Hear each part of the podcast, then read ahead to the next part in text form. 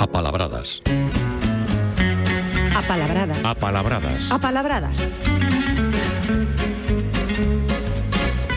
En este tempo de pre-Nadal tampouco poden faltar as apalabradas con Paulino Novo. Moi bons días, Paulino. Que tal, bons días. Como estás? Como leva Ben. o frío? Ben, ben. Como se pode, non? Abrigándonos, sí, sí, sí.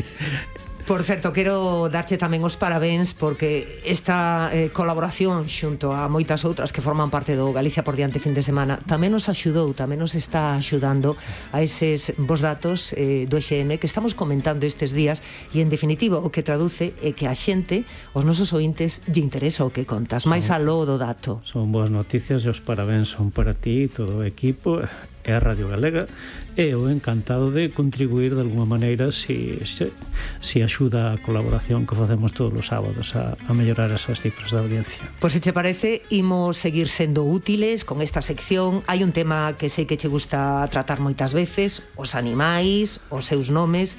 Eu hoxe vas polas aves. Galicia é un país de ave, eh? pero tamén de aves, por ah, unha sí, de rapina, sí, non? Sí, sí, mira, eh, fixete, sei un bon xogo de palabras, sí. De, de ave de ave, sí.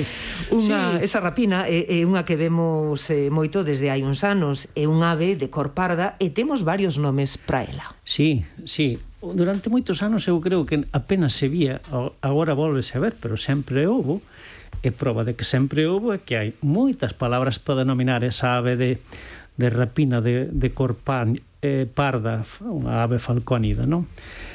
Eh, e empezo con un co bexato ou buxato ou bixato que lle chaman en algún sitio e incluso bouxato que lle chaman noutros sitios tamén. Sempre te empeñas en poñelo difícil, eh? Sí, sabes que nos gusta recoller todo, non só, temos falado, non só normativo, aquí gusta nos coller todas as palabras que están vivas e que están documentadas, non?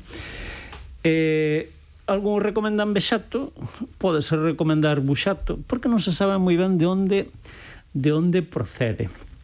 Hai quen di en concreto Corominas, que é unha autoridade de Un amigo xa desta sección. Sí, ti que pode vir de composto de ave e de xato, igual que en castelán se crea o composto ave toro, pero ten dificultades porque xato é unha palabra para o terneiro que se usa en Asturias e nesa parte oriental de, de Galicia nada máis. Eh, seguramente é unha palabra que ven da, do latín. Latín tiñan para esta ave unha palabra que era butio. E seguramente deste butio é onde ven o noso buxato e despois as outras variantes, non? E a terminación en ato pois será igual que a de que a de miñato. A de miñato que ademais este ato pode ser aí un un sufrixo aí un pouco non sei de que natureza, pero incluso a mellor algo despectivo. Igual ten lamote, que é outra maneira de chamarlle a esta ave, e lamego tamén, teñen estes despectivos que poden ser eh, o mellor despectivos, pero bueno, coinciden en buxato ou bexato en, en miñato.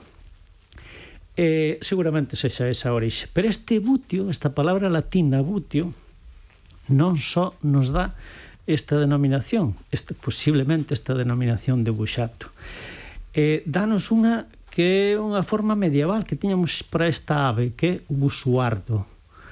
Busuardo que aparece aparece documentada, aparece unha palabra que aparece nas cantigas medievais, e aparece en vez de busuardo, aparece coa forma busnardo, incluso nas, nas edicións eh, moi solventes aparecen algunhas busnardo, e eu mesmo escribino equivocadamente eh, tamén pero non é Busnardo, é unha equivocación do NQ, que en algúns momentos podemos transcribir ou escribir casi igual.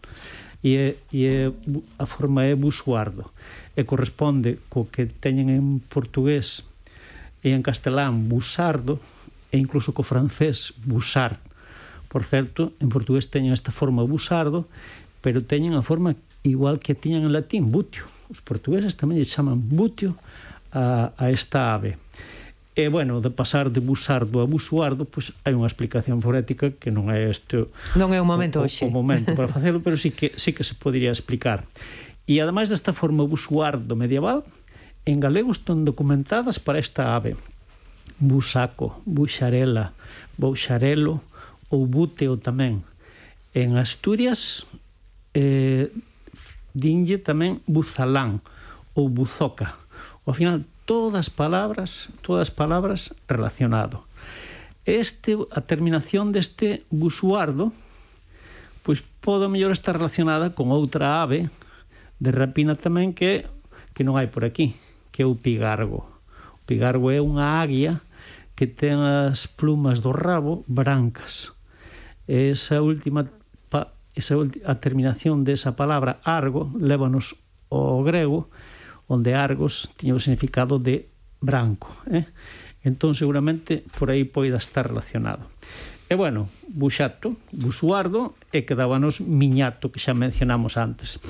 O miñato é outra maneira de chamarlle a esta ave, e corresponde ao castelán milano, e en portugués teñen millano, millafre ou villafre, cambian ese M inicial por un, por un B e procede da forma da outra forma que había en latín tamén para denominar esta ave, que era que era milbus, que ademais de dominar a, de denominar a ave, milbus tamén era tamén se chamaba unha persoa ávida.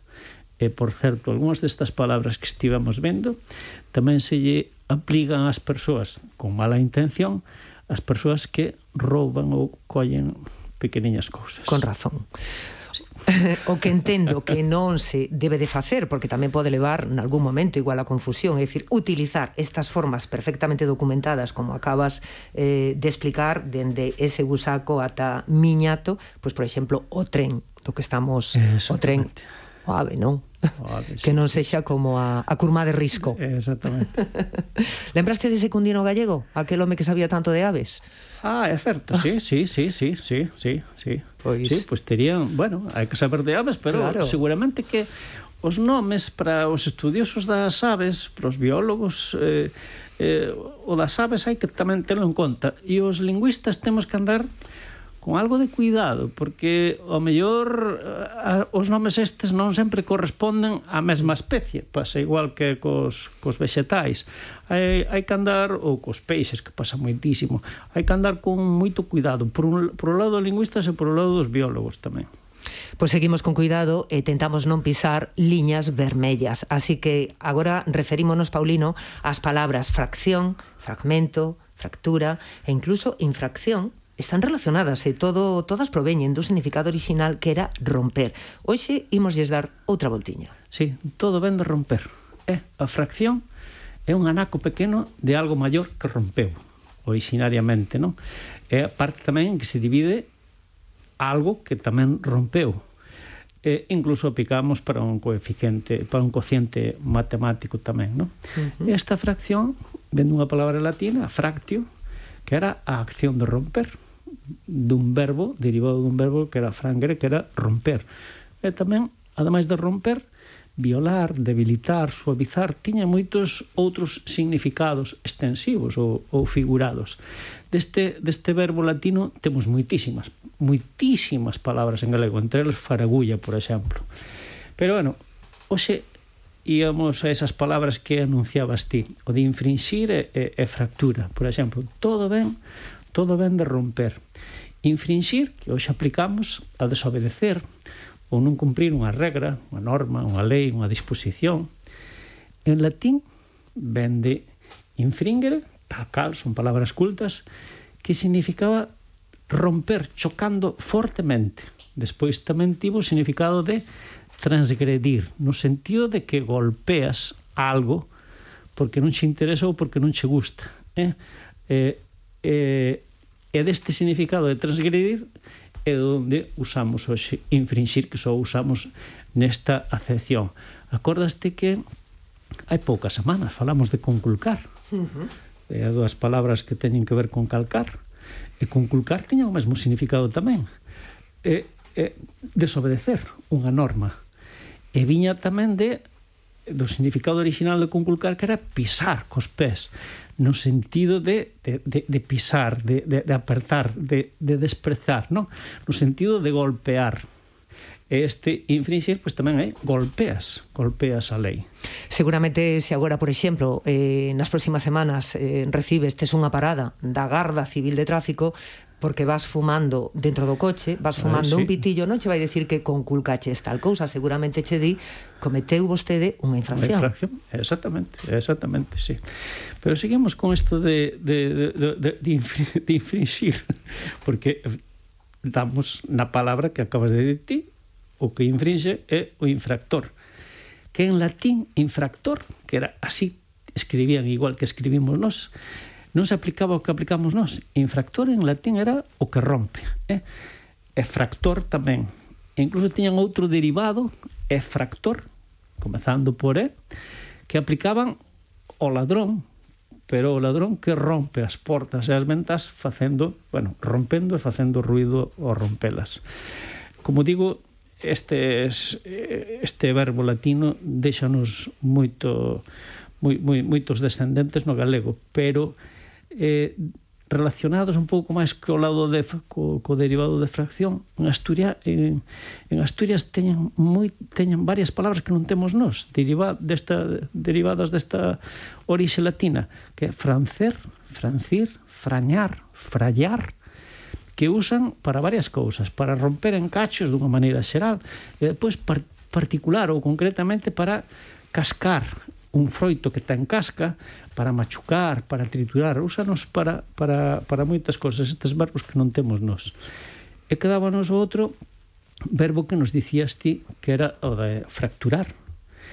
Pois tiñamos este verbo frangre en latín, pero era podíamos usar de maneira moi xeral. E o que fan as linguas é que cando teñen un sustantivo, aínda que procederan dun verbo anterior, moitas veces teñen a tentación de sobre ese sustantivo, sobre un adxetivo, volver a crear outro verbo si nos está, si, se nos estaba dando un significado moi particular. Sucede, por exemplo, que de fracción creamos fraccionar, eso creámoslo nós. Ou de fractura, que era unha palabra que si había en latín, pero nós collemos fractura e de fractura creamos fraccionar. Eh? Eh, eh, fracturar, perdón, eh? creamos fracturar que aplicamos basicamente en medicina, un oso que rompe, non? E posto xa estes exemplos a, a exemplificar isto que digo desta construción de verbos sobre sobre sustantivos, pois en, no castelán de América a que non imaginas a palabra o verbo que crean de infracción. Non. Pois crean infraccionar. Infraccionar. No castelán de América hai a palabra infraccionar. Isto é un, un procedimento que, que ten a lingua que se reproduce en moitísimos casos.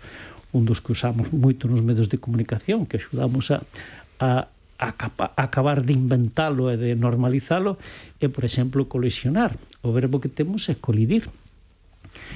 Pero creouse colisión, creouse, colleuse colisión e do substantivo colisión, pois creamos un verbo que é colisionar, cando xa tiñamos colidir. Pero temos a tendencia esa, que é un substantivo nomo que se emprega moi concretamente, por exemplo, para para o tráfico, pois, pois creamos, creamos colisionar. Pois nada, importante, penso, en non infraccionar non cometer tampouco infraccións, eh, en todo gusto, caso... Gustouche infraccionar. Sí, sempre, é, sempre é, de mala fe, non? É, porque... é totalmente expresivo, lóxico, aínda que non existe para nós. Porque non? unha infracción moitas veces cometese por propia imprudencia, lóxicamente, non sí. querendo, non querendo. Sí, Debería sí, de ser un atenuante tamén, eh? Sí. e para acabar, Paulino, o momento das palabras máis descoñecidas, levábamos varios sábados con algunhas que non remitían, eh, que nos remitían, mellor dito, a algo bo ou bonito. E hoxe eu creo que toca unha relacionada coa elegancia. Vas falar de engomiado, unha persoa elegante. Non sei se se refire só ao feito de como sí, vai peiteado, sí. senón tamén a ese produto que utilizan ou eh, utilizaban, eh, eh, non? Por aí, por aí, por aí, por aí. Penso que máis en desuso, por aí, pero... Por aí van unha cousa, sí. Engomiado, unha persoa elegante. Imos explicar E antes de nada digo que hai que ir con cuidado, porque é unha palabra que non está en ningún dicionario que eu saiba.